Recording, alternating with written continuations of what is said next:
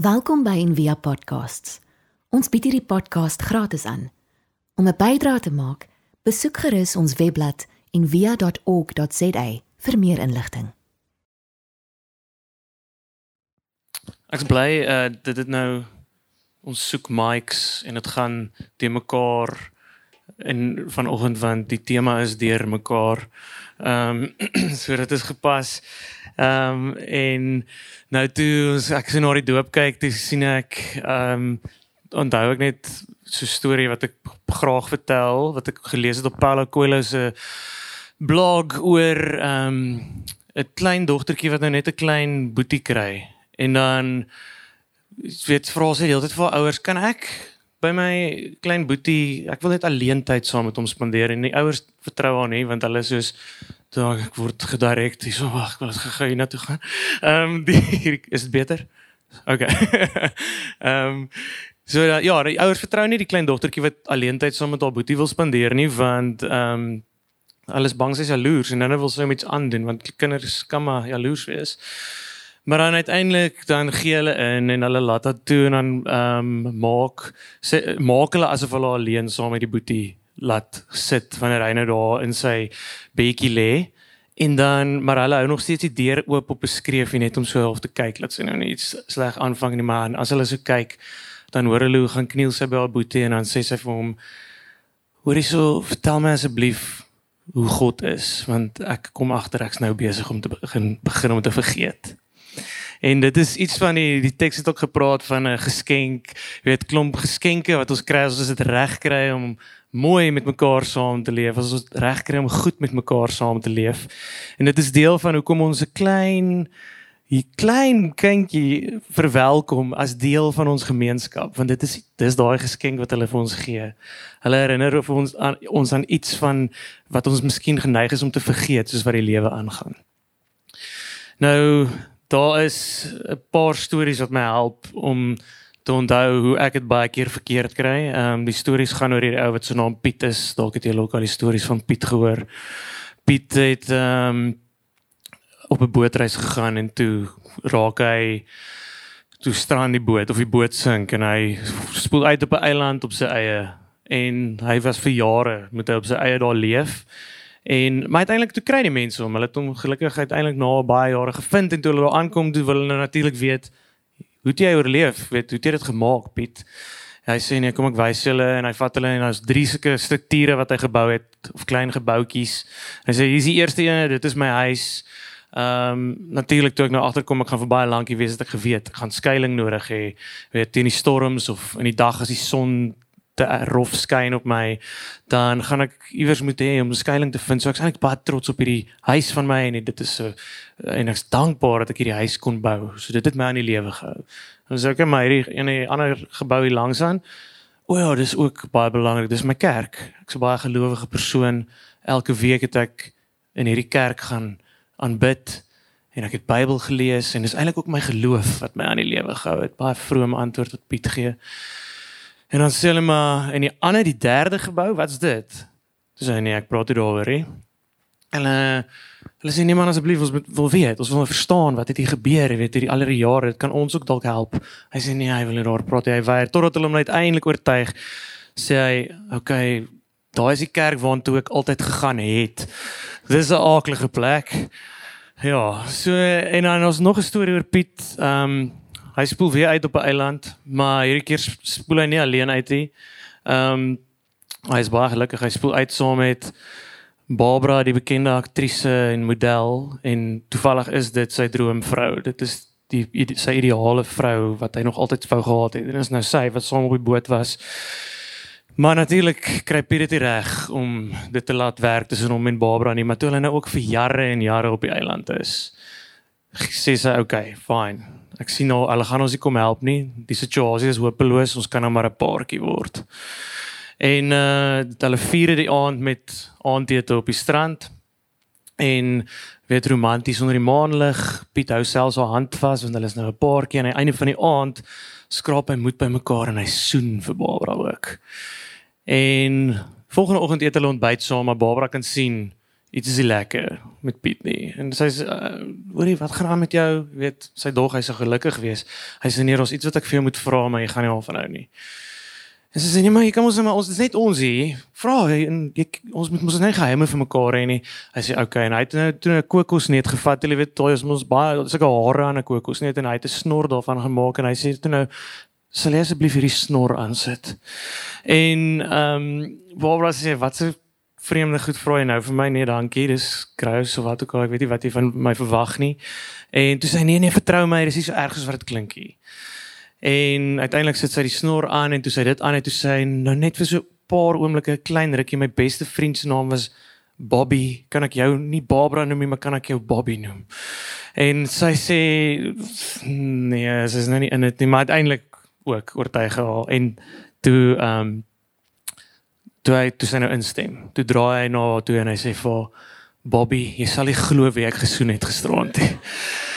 En nou ek ek hou van die stories want dit wys my iets van gemeenskap. Ek dit is ehm um, het ons nou in die liedjie ook gehoor, jy weet, weet hoe gaan jy voel as jy alleen is en jy weet dit is moeilik om sonder mense klaar te kom. Ons het almal vriende nodig. Jy weet hier in die laaste storie is al iets daarvan.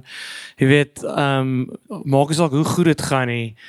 Ehm um, dit gaan eintlik eers goed wanneer jy regtig dit kan deel met iemand, wanneer jy dit kan deel met jou vriende en jou gemeenskap. Maar die ander storie, die eerste storie van Piet, kyk die groot les wat ons leer uit Piet se stories is om nooit saam met hom op 'n bootreis te gaan nie. Maar nou behalwe daarvoor. Ehm um, in die ander storie wys wys uiteindelik hoe goed kan hy op sy eie klaarkom nê. Dit is en ek is ook so Piet, ek kan baie goed op my eie klaarkom. Ek hou daarvan om dinge op my manier te doen. Waar hoekom hou ek af van want ek weet mos hoe om dit te doen. Ek weet wat is die regte manier om dit te doen. En dis presies Piet, maar wat van interessant is van haar eerste storie is hoekom hy dat hy in die eerste plek 'n kerk moes bou is interessant, maar dat hy die ander kerk waartoe hy nie meer gaan nie nooit afgebreek het nie. Hy het nodig gehad om nog iets te hê om om teen te skop om te sê ek is nie meer so nie. En dit is ehm um, baie keer hoe ons die mekaar raak, jy weet. Wanneer wanneer ek begin om lyne te trek tussen my en en die ander en ek is nie so nie. Ehm um, dit is gevaarlik. En dit is nou wat ons sien in die teks ook. In Galasiërs dit nou nou op die skerm gesê Johannes. Ek weet nie wat in Johannes 20 of wat ook al op die staan wat op die skerm was, maar dit is eintlik Galasiërs 5. Ehm um, en ehm um, ja, dan die eerste reël ek weet dit sê dit nou so eintlik wat ek nou genoem het it's obvious what kind of life develops out of trying to get your own way all the time. En dis die ding en hoekom wil hierdie mense hulle hulle own way all the time hê die Galasiërs wel die ding met hulle is hulle is 'n nuwe gemeenskap van gelowiges. En van hulle kom, hulle het verskillende agtergronde, verskillende kulture. En dit is eintlik so mooi dat ons so 'n boek het wat hierdie storie vertel van mense wat uit diverse agtergronde kom en dit is presies waarmee ons in Suid-Afrika ook elke dag eintlik baie keer worstel en ons kry dit baie keer reg en ons kry dit baie keer nie reg nie. Dis hulle stryd ook. Hulle het verskillende maniere van doen, maar nou probeer hulle saamleef. Die ander manier om dit te stel is jy kan eintlik sê hulle word mekaar se naastes, want hulle is mos nou 'n gemeenskap van gelowiges. Hulle is mekaar se naastes, maar party was Jode, party van hulle was nie Jode nie. Nou wil die van die Jode dink ons moet nog dinge doen soos wat Jode dit doen, anders gaan ons nie 'n gemeenskap van gelowiges wees nie. En ons niks fout om nie, want dit is hoe hulle dit ken. Dit is hoe hulle weet hoe om 'n gemeenskap van gelowiges te wees. So dit kom miskien uit 'n goeie plek uit of met goeie bedoelings. Hulle dink nee, ons wil net die dinge reg kry. En dis so ons wil net ons ander die ander mense in ons gemeenskap ook help om die dinge reg te kry.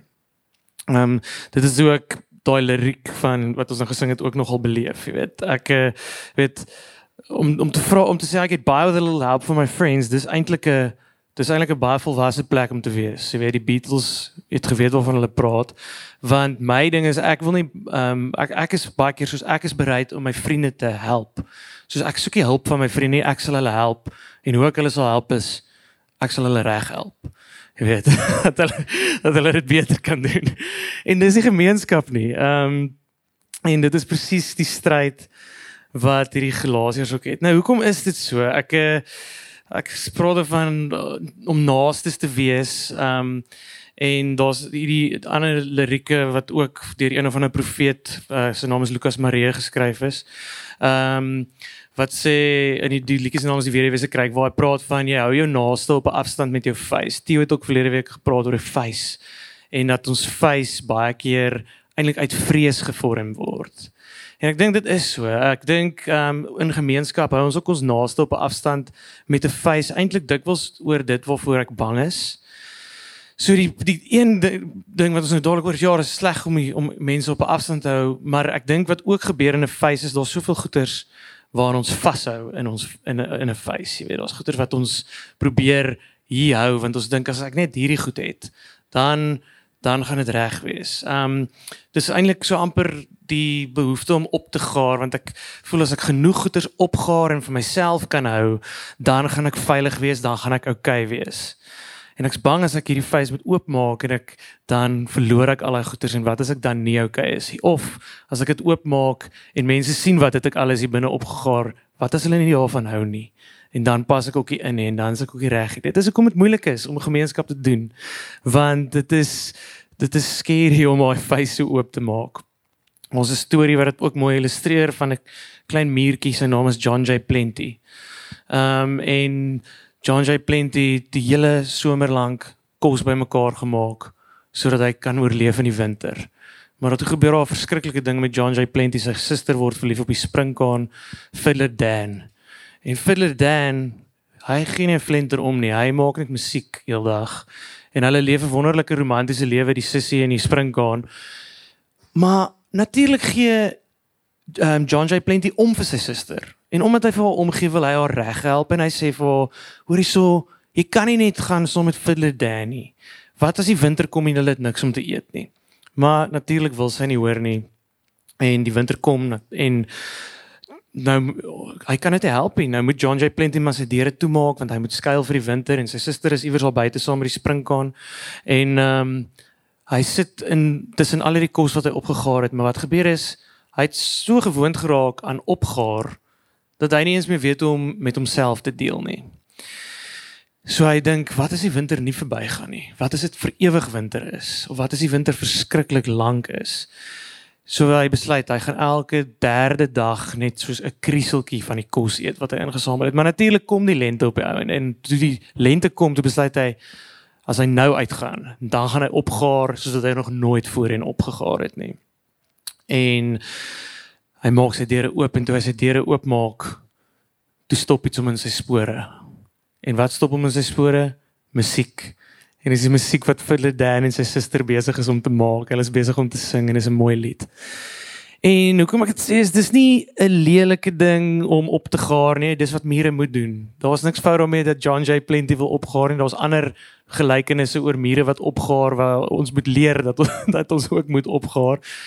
Maar toe dit die enigste ding was en toe dit so erg vir hom raak dat hy nie meer die mooie in die lewe kan geniet saam met sy gemeenskap nie, saam met sy familie en sy vriende nie dit is toe wat dit ongesond en eintlik gevaarlik geraak het vir hom. En hy was ook eintlik was vir my goed in die storie dat hy eintlik nie heeltemal immuun was daarteen nie. So wat gaan ons op om wat wat ons help om eintlik miskien uh, mense so op 'n afstand te hou met ons face. Dis nou 'n hele lang lys van goeders hierso in die teks. Maar ehm um, daar's 'n frase wat al daai goeders eintlik baie mooi opsom wat ek in die Enneagram gehoor het. Ehm um, en ek het nou reg het Lukie my ook weer aan herinner die frase is money, sex and power. Dit is al dis al hierdie goed wat jy nou weet repetitive loveless cheap sex and stinking accumulation of mental and emotional garbage frenzied and joyless grabs for happiness and so dis alles money, sex and power en daar's niks presies wat John Jay Plenty kan opgaar want dit is goed hy het goed nodig hy het kos nodig vir die winter selfs money, sex and power is nie noodwendig sleg nie, maar dit is sleg wanneer dit die enigste dit die einddoel word. Ehm um, en dit is want dan begin dit my vervreem van die mense rondom my.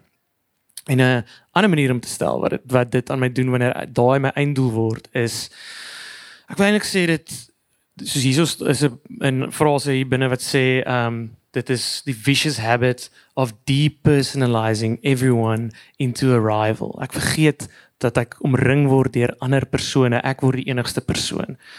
So ek depersonalize hulle of 'n ander manier hoe ek dit wil stel is ek dit ontsiel my. Dit dit laat my sielloos leef.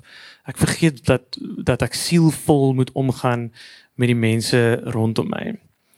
Daar's 'n onderhoud met Ronald Rollizer waar iemand van vra wat laat jou siel sing? Ek ek's mal oor daai vraag, dit bly by my vandat ek dit gesien het en sy kort antwoord vir daai vraag is the soul sings when it meets itself in other souls. Ek sukkel om dit in Afrikaans te sê, maar iets soos my siel moet in ander siele moet my ek erken my siel in ander siele. Soos ons nou ook 'n nuwe Ubuntu liedjie gesing het. Ehm um, en wat ek hou van daai ding is dit laat miskien kan dit behulpsaam wees om anders te dink oor waar en hoe my siel werk en inpas in my lewe. Die my dosente op universiteit toe ek op 'n stadium 'n module oor digkuns gedoen het, het gesê as jy 'n goeie gedig wil skryf, moet jy net nooit 'n gedig oor die siel skryf nie, want daar's te veel. En niemand weet wat 'n siel regtig is nie. Dis nie konkreet genoeg nie. Gedigte moet eintlik konkrete beelde hê vir dieper dinge. So siel is te wyd en te vaag, maar Een van my gunsteling digters, Loftus Maree, het reg gekry om 'n gedig oor die siel te skryf en hy begin so: Hoekom dink almal die siel is inwendig? Verborge soos jou beenderre, maar kleiner soos 'n klier of 'n juweel of 'n teeg helder lig vir ewig ingehou. En ek dink dis 'n baie goeie vraag. Hoekom dink ons die siel is inwendig? Dis 'n ou, dis 'n Griekse idee. Ons het dit by die Grieke gekry, maar sien die Afrikaanse mense weet eintlik waar die siel sit. Dit is nie net binne in my nie. Miskien is dit binne my, maar dit is nie net daar nie as ek sê ek word ek ofwel ek word ontsiel wanneer ek my vervreem van ander mense dan wanneer ek oopmaak en saam met ander mense begin leef en na ander mense toe begin leef dan moet ek agterkom dat my siel eintlik ook daar is. Dis nie net hier nie. Waar ek regtig my siel kan vind en waar ek sielvol kan word is om uit te leef na ander toe. En nou dit klink asof ek sê moenie 'n introwert wees nie of wat ook al. Ek is 'n introwert.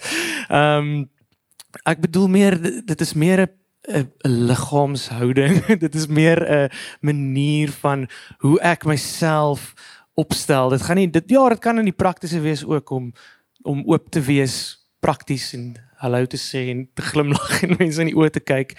Maar ek dit is ook dit is ook 'n 'n leef 'n groter deel van hoe ek hoe ek my lewe benader en en die die leidrade van wanneer ek dit begin miskyk en wanneer ek dit begin de mekaar kry is wanneer wanneer ek wanneer ek begin te styf vashou aan al die goeders wat ek probeer inneem en opgaar. En dit is nou maklik om oor gemeenskap te praat want ehm um, ek dink ja, dit is iets dit is iets wat ons almal kan sê, wel nee, gemeenskap is 'n goeie ding, is nodig. Ehm um, Maar nog 'n ding is hierdie Galasiërs was ook hulle het probeer om dit te doen. Natuurlik het hulle nie probeer om sleg te wees in gemeenskap nie. Ehm um, en daar's uh, Dietrich Bonhoeffer die uh, tydse teoloog wat mal goeters gedoen het. Ehm um, was baie ernstig oor gemeenskap ook en hy het eh, 'n uh, aanhaling wat sê ek weet ek dink hy gaan op die ja what? He loves his dream of a community more than the christian community itself becomes a destroyer of the latter even though his personal intentions may be ever so honest and earnest and sacrificial. Die wat dit sê is ja as ek dink as ek my ideale my idee my droom van hoe 'n gemeenskap moet lyk like, of sal uh, lyk like, of gaan lyk like, probeer afdwing raak dit te vinnig te maklik my ideale. Dit raak te vinnig my manier aan raak dan ons weer terug by die eerste sin van vandag se skriflings wat sê the kind of life that develops out of trying to get your own way all the time. So om gemeenskap te doen is minder om ooh, hierdie is wat ons gaan doen. Hier is die lys van die goedjies om gemeenskap te wees.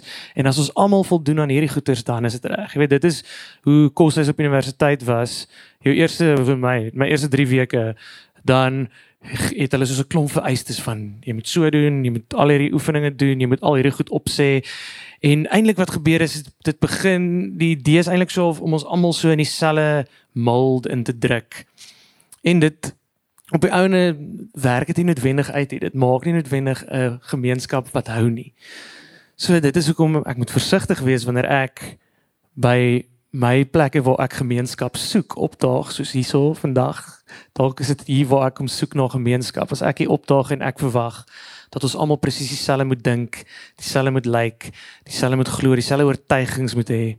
Dis eintlik heeltemal hoe dit werk. Dit is juis in die openheid wanneer ek kan oopmaak, my hand kan oopmaak om al die verskillende oortuigings te sien eerder as om net myne vas te hou. Dis dan wanneer ons gemeenskap kan beleef. En dan soos wat daai liedjie gesê het to get by with a little from my friends. Wanneer ek kan agterkom ek is so afhanklik. Dit is ook hoe ek agterkom dat ek my siel nie net hierso kan vind nie nie net op my eie nie maar wanneer ek agterkom ek is afhanklik van iets groter as ek dis gemeenskap want dit is eintlik 'n model eintlik soos 'n klein weergawe ook van om deel te wees van hierdie groter alles, die groter skepping. Daar's 'n in die teks is 'n mooi deel wat sê wanneer ons bereid is om te stick by mekaar, we develop a willingness to stick with things, a sense of compassion in the heart and a conviction that a basic holiness permeates things and people. We find ourselves involved in loyal commitments, not needing to force our way in life, able to marshal and direct our energies wisely. So daai basic holiness that permeates everything. Dit laat my dink aan Paul Tillich die teoloog wat hy het 'n manier gehad om te sê God is die grond van ons wese. En as ons as ons begin sien, as ons ons afhanklikheid kan erken, dan kom ons agter dat daar 'n basiese mooi heiligheid is wat ek in ander raak sien en in alles rondom my kan begin raak sien wanneer ek oopmaak daarvoor. En dis wat gemeenskap eintlik vir ons leer want dan begin ek regtig God beleef in ander, maar ook in alles in die skepping om my. Dis wat gemeenskap vir ons leer. Dit word nou in die doop gesê dit is 'n lewenslange ding. En dit is hoekom ek waarskynlik hoop dit is die laaste keer wat ek hieroor gaan praat, is ook die laaste keer ehm um, wat ek aan die stories van Piet of John Jay Plenty gaan dink nie. Want dit is nie maklik nie. So ons gaan nou 'n lied sing wat ook net vra, jy weet, ehm um, dis eintlik 'n gebed om te sê ons weet ons ons moet lewenslange leerders wees. Ons moet aanhou om te leer hoe om na dat na mekaar toe te leef en hoe om sielvol te wees met mekaar en tussen mekaar.